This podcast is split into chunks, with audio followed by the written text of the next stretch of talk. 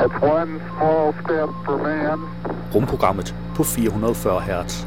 one giant leap for mankind. The International Space Station has been continuously occupied for 20 years straight. It's sending the first woman and the next man to the moon. I think Mars should really have great bars. Um, the Mars bar. Mit navn er Flemming Håkas Hansen, og du lytter til Rumprogrammet. Jeg har det faktisk ikke super duper godt, så jeg tænker, vi tager det hele lidt kort, krydder det godt op med musik, og så kalder vi det en udsendelse. Øhm, ja, det, det bliver simpelthen sådan, vi gør det. Vi starter med at se på, hvilke podcast vi skal have med. Der er 11. og sidste udgave af Mars Monthly fra Houston We Have a Podcast, en NASA podcast serie, og de har Returning the First Martians. Vi skal også have hele to gange transformator, altså fra ingeniøren. Den første er, hvordan lyder der på Mars? Danske mikrofoner giver svaret. Og ja, nej, den, er, den hører som sådan ikke med her i programmet. Det ved jeg godt. Den handler ikke om bemandet rumfart. Og en dag, når der lander mennesker på Mars, så kommer de ikke til at høre det samme, fordi mennesker kan ikke øh, opholde sig i den rene marsiske atmosfære. Trykket er simpelthen for lavt. Man vil derimod opholde sig i, i øh, kubler eller andre bygninger med, øh, med et atmosfærisk tryk, der minder mere om jorden, så dermed vil lyden også være ligesom her på jorden. Men jeg synes nu alligevel, at den på en eller anden måde en lille bitte smule hørt med her. De har også, hvilke betingelser skal på plads for at kolonisere Mars. Og se, den er jo en del mere relevant her for udsendelsen. Der er også Science Stories, udforskningen af Mars. Og mere har jeg egentlig ikke skrevet. Det ved være et stykke tid siden, jeg har hørt den. Men jeg gætter på, at den er relevant for udsendelsen her, siden jeg har taget den med. Ellers har jeg i hvert fald fundet den tilstrækkeligt interessant. Hvilket i sig selv er krav for at komme med her. Vi har også nogle nyheder. Den første her er, Federal Court rules against Blue Origin in HLS lawsuit. Der er også toiletproblemer tvinger astronauter i blære på vej mod jorden. Medieval spaceflight, a company is catapulting rockets to low costs. New footage show Chinese astronauts dining in space. Og nu er det ikke fordi, det er super interessant at se kinesiske astronauter spise i rummet, men det er faktisk utrolig lidt, man har med fra det kinesiske rumprogram i vestlige medier, og øh, derfor også utrolig lidt, jeg har med. Så jeg tænkte sådan lidt, vi tager, hvad vi kan få her. NASA's Artemis astronauts won't land on the moon by 2024 deadline. Starship tændte alle seks motorer, og en håndfuld kakler faldt af. The first space hotel plans to open in 2027. og så har jeg en her. Nej, den hører ikke rigtig med. Og så alligevel. Heinz Debuts Mars Edition ketchup made the tomato grown in Mars-like conditions. Um, og desværre så kan man ikke købe den her ketchup, men den, den skulle give lidt hint om, hvad man kan forvente, hvordan man kan forvente, at ketchup kommer til at smage, når astronauterne begynder at producere det på Mars. Vi har også månedens nyhed. Ekstreme solstorme Miyagi-hændelser kan få samfundet til at bryde sammen. Øhm, og det er jo i og for sig relevant på mange punkter, men det er det altså også, når man tager til Mars. Selvom øh, den her den primært er omhandler øh, forhold på jorden, men altså rumstationen, øh, månen, Mars, øh, de her solstorme, de påvirker jo mange forskellige steder. Elon Musk says SpaceX faces genuine risk of bankruptcy due to slow Starship progress. Whoops. Og ved du hvad? Det er faktisk nyhederne for den her gang. Lad os se på nogle af månedens interessante rumpodcasts. Denne gang har jeg også en udgave af Science Stories podcasten. Det er efterhånden tre kvart år siden, at NASA's Mars-mission med roveren Perseverance og helikopteren Ingenuity landede på Mars. Og nu begynder de første resultater at komme fra missionen. Jeg er taget ud til Morten Bo Madsen fra Niels Bohr Instituttet for at høre om, hvad der sker på Mars, og hvad forskerne har fundet ud af. Men Morten Bo Madsen, først vil jeg lige spørge dig, sover du godt om natten? Det var Science Stories, og du kan naturligvis finde et link i show notes. Vi skal høre en bid fra Ingeniørens Transformator podcast.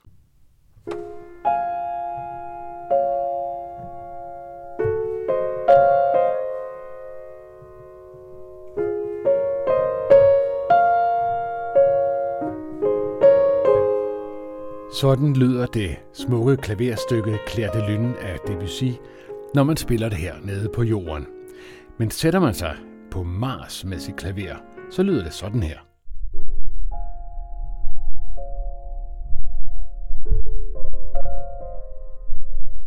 I den her uge skal vi tale lyd i transformator. På jorden, på Mars og ikke mindst i struer. Det var en bid fra Ingeniørens Transformator podcast. Du kan finde et link i show notes.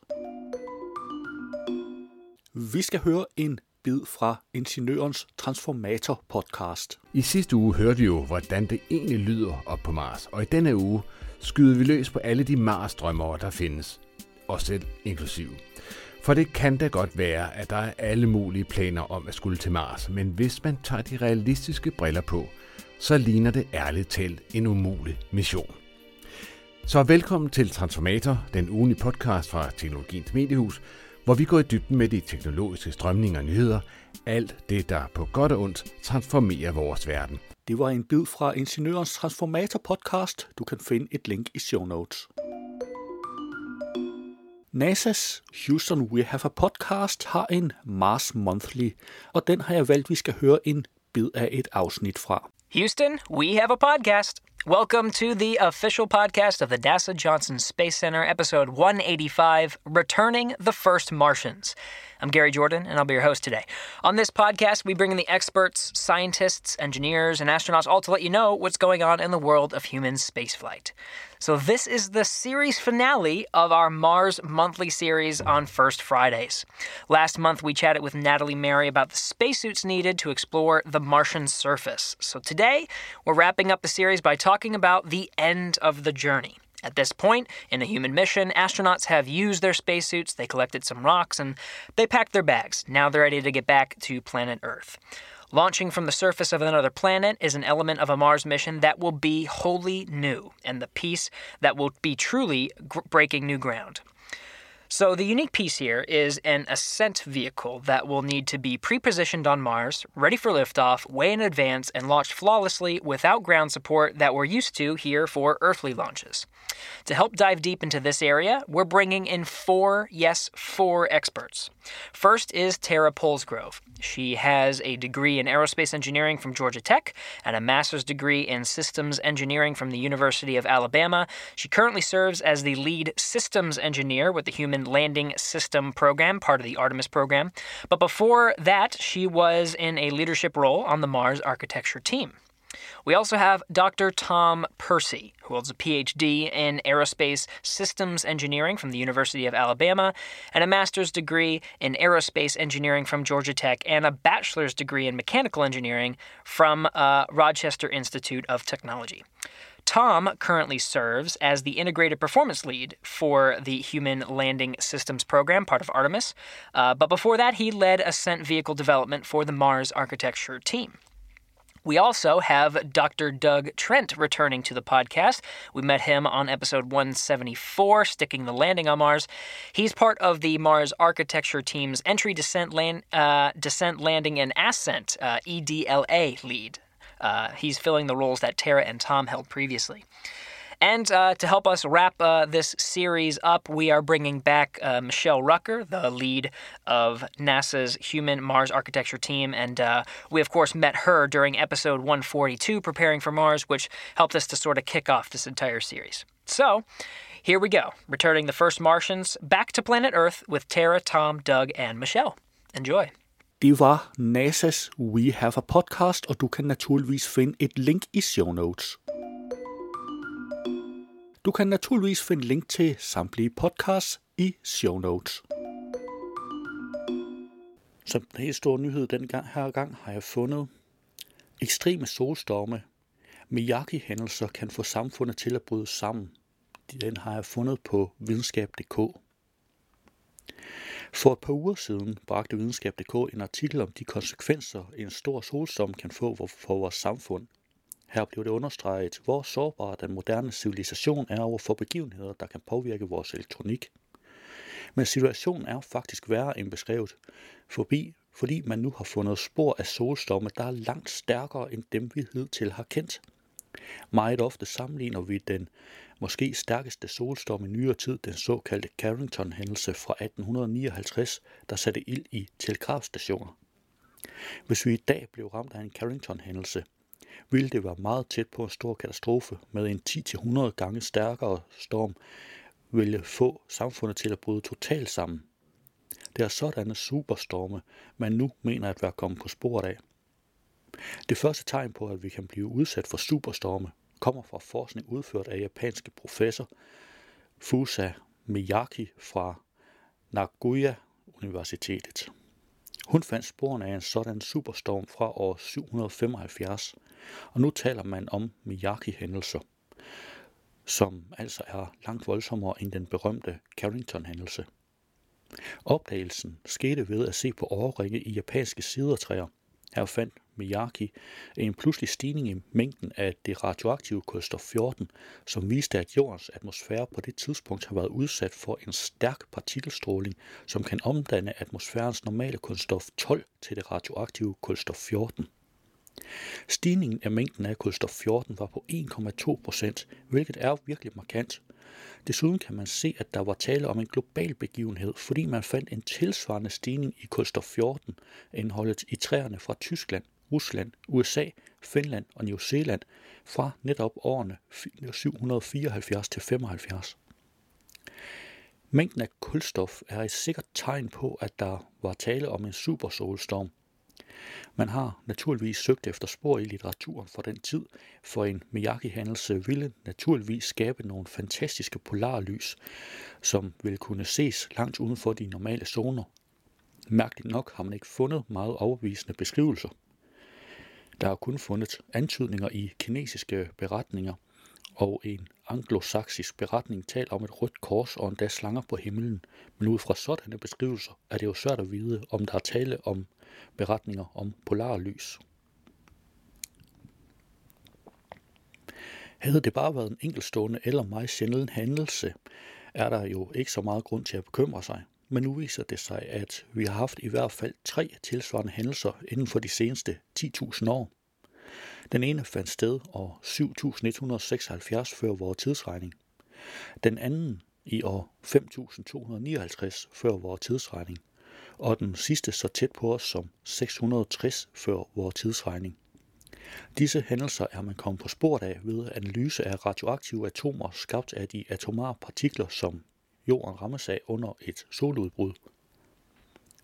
Der er også tegn på en superstorm i år 993 eller 994, dog mindre kraftig end 775 hændelsen. Det er et enormt arbejde at lede efter koster 14 i årringe fra træer, som er en brugt en anden metode, nemlig at se på mængden af de radioaktive isotoper, beryllium 10 og klor øh, 36 i iskerner af den slags, man kan hente fra isen i Grønland og Antarktis beder forholdsvis hurtigt at scanne en lang isprøve for at forøge indhold af disse to radioaktive isotoper, og når man så har fundet en stigning, kan man jo undersøge, om det er muligt at finde træer fra denne periode. En stigning i mængden af kulstof 14 i overringe kan ikke umiddelbart tages som et tegn på et voldsomt soludbrud. Hvis solen har en lang periode med ringe aktivitet, og dens magnetfelt er svagere end normalt, og mere kosmisk stråling når frem til atmosfæren, hvor de ved sammenstød med kulstof 12 kan danne kulstof 14. Således har man i årringe fra træer fundet en stor stigning i kulstof 14 indholdet omkring år 5480 før vores tidsregning. Men denne stigning har straks over så lang tid, at den ikke kan skyldes et kortvarigt soludbrud, men mere sandsynligt en lidt urolig periode for solen, hvor dens magnetfelt har været svækket gennem længere tid. Der er altså andet end soludbrud, der kan skabe radioaktive partikler. En mulighed er et supernova-udbrud tæt på os. En anden mulighed er et såkaldt gammaglimt. Det er i praksis umuligt med sikkerhed at afgøre, om de radioaktive stoffer er dannet ved soludbrud, en supernova-eksplosion eller gammaglimt. Dog tyder ny forskning på, at gammaglimt ikke kan skabe beryllium-10. Det bedste argument for, at radioaktiviteten skyldes soludbrud, er, at både supernova-eksplosioner og gammaglimt er ekstremt sjældne hændelser. Da vi har fundet flere tilfælde med øget radioaktivitet inden for de seneste 10.000 år, så er det mest sandsynligt kilde solen. Men argumentet er naturligvis ikke det samme som et bevis. Og artiklen den er faktisk en del længere end det her, så smut ind forbi linket i show notes. Lad os se på nogle af månedens nyheder.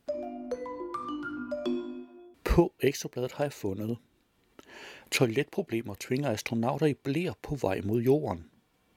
Fire astronauter, der står til at skulle forlade den internationale rumstation ISS denne weekend, hvilket er ved at være et stykke tid siden, er nødsaget til at bruge blære på hjemturen. Det skyldes, at toilettet i deres rumkapsel er i stykker, det skriver nyhedsbureauet AP. Astronauten Megan MacArthur beskriver situationen som langt fra optimal, men stadig overskuelig. På ingeniøren har jeg fundet, Starship tændte alle seks motorer, og en håndfuld kakler faldt af. Good static fire with all six engines. Sådan lyder det seneste tweet fra SpaceX-chef Elon Musk, efter at SpaceX har gennemført sin første test af Starship med alle seks motorer. Starship er SpaceX's nyeste rumfartøj, der er tiltænkt missioner til både månen og Mars. Ifølge SpaceX vil rumfartøjet med sin løftraket kunne sende over 250 tons i rummet. SpaceX har fløjet Starship adskillige gange med de tre klassiske Raptor-motorer, der bruges ved liftoff, men denne gang tilføjede man de tre motorer, der er tiltænkt anvendelse i vakuum, altså i rummet. Du kan naturligvis finde link til alle nyhederne i show notes. Lad os se på nogle af månedens nyheder. På spacenews.com har jeg fundet Federal Court rules against Blue Origin in HLS lawsuit. The Court of Federal Claims has ruled against Blue Origin in its suit about the agency's selection of SpaceX for a single human landing system award. In a one page filing, November 4th, Judge Richard A. Hartling granted a motion by the federal government, the defendant in the case, to dismiss the case filed by Blue Origin in August. The full opinion, like other filings in the case, remains under protective order, although Hartling requested the parties in the case to propose re- redactions for a public version of the op- opinion by November 18th. På Interesting Engineering har jeg fundet Medieval Space Flights, a company is catapulting rockets to cost to cut costs. Why are unsustainable rocket propellants for small satellite launches when you could just catapult them into space? It, mounts, it might sound like a mad proposition, but a California based startup, Spin Launch, is actually developing an alternative rocket launch technology that spins a vacuum sealed centrifuge at several times the speed of sound before releasing the payload, launching it like a catapult into orbit. According to a report by CNBC, Spin Launch conducted the first test flight using their prototype electric launch system in October at Spaceport America in New Mexico. På cgtn.com har jeg fundet New footage show Chinese astronauts dining in space. Video footage show the three astronauts of China's Stingzhou 13 mission enjoying a delicious meal in the space station core module Chang'e. The ground support team said the astronauts have a good appetite and can consume over 90% of their daily ration. På space.com har jeg fundet NASA's Artemis astronauts won't land on the moon by 2024 deadline. NASA has let go of its goal to return humans to the moon's surface by 2024. 2024 was not a goal that was really technically feasible, NASA Administrator Bill Nelson said during a news conference on November 9th. We are now estimating no earlier than 2025. In a timeline set by the Trump administration, NASA has been working toward landing humans on the moon by 2024 as part of its Artemis program. That already already aggressive target has recently made more challenging as the agency experienced delays caused by the corona pandemic and a lawsuit filed by Blue Origin, which paused development on the landing system to be used for the initial crew, crew touchdown. Now, Nelson has formally announced that the agency has a new lunar timeline. På astronomy.com har jeg fundet The first space hotel plans to open in 2027. The word vacation conjures many images. Pristine beaches, glittering ski slopes, outstretched highways and theme parks. It doesn't call to mind cosmic journey up on colossal rotating wheels or vistas defined by the long arc of Earth's surface, but it might soon. Six decades in, the space age is marching steadily into commercial phase, allowing more and more private individuals to purchase pass- passage beyond Earth's atmosphere. In just the past few months, the billionaires Jeff Bezos and Richard Branson have paid to cross or arrive at the edge of the Kármán line, the boundary between our atmosphere and outer space. Besides a bustling clientele of bases and Branson's stature, the era of full-fledged pleasure trips to space seems at hand, even for a multi-day escape. To accommodate such a jaunt, the Sacramento startup Orbital Assembly Corporation has announced plans to open a space hotel by 2024. As the first of its kind, Voyager Station is slated to be a luxury resort designed to accommodate 280 guests and 112 crew members, complete with a restaurant, a bar, a concert hall, a gym, and even a cinema. På astronomy.com har jeg fundet The first space hotel plans to open in 2027. The word vacation conjures many images. Pristine beaches, glittering ski slopes, outstretched highways and theme parks. It doesn't call to mind cosmic journey up on colossal rotating wheels or vistas defined by the long arc of Earth's surface, but it might soon. Six decades in, the space age is marching steadily into commercial phase, allowing more and more private individuals to purchase pass- passage beyond Earth's atmosphere. In just the past few months, the billionaires Jeff Bezos and Richard Branson have paid to cross or arrive at the edge of the Kármán line, the boundary between our atmosphere and outer space. Besides a bustling clientele of Bezos and Branson's stature, the era of full-fledged pleasure trips to space seems at hand, even for a multi-day escape. To accommodate such a jaunt, the Sacramento startup Orbital Assembly Corporation has announced plans to open a space hotel by 2024. As the first of its kind, Voyager Station is slated to be a luxury resort designed to accommodate 280 guests and 112 crew members, complete with a restaurant, a bar, a concert hall, a gym, and even a cinema. På Observer.com har jeg fundet Elon Musk says SpaceX faces genuine risk of bankruptcy due to slow Starship progress. SpaceX is indispu- indisputably the most valuable space company in the world right now, most recently valued at a whooping 100.3 billion dollars after a secondary share sale in October. Yet the company's financial situation is a constant mystery due to its private status. A newly leaked internal email from CEO Elon Musk suggested that SpaceX cash position doesn't look so good. In an email on Monday, first seen by SpaceX Broad, Musk told SpaceX employees that the company faces genuine, genuine risk of bankruptcy unless it speeds up the production of Raptor engines, which are used in its next generation Starship launch system. The Raptor production crisis is much worse than it seemed a few weeks ago, Musk wrote in the email.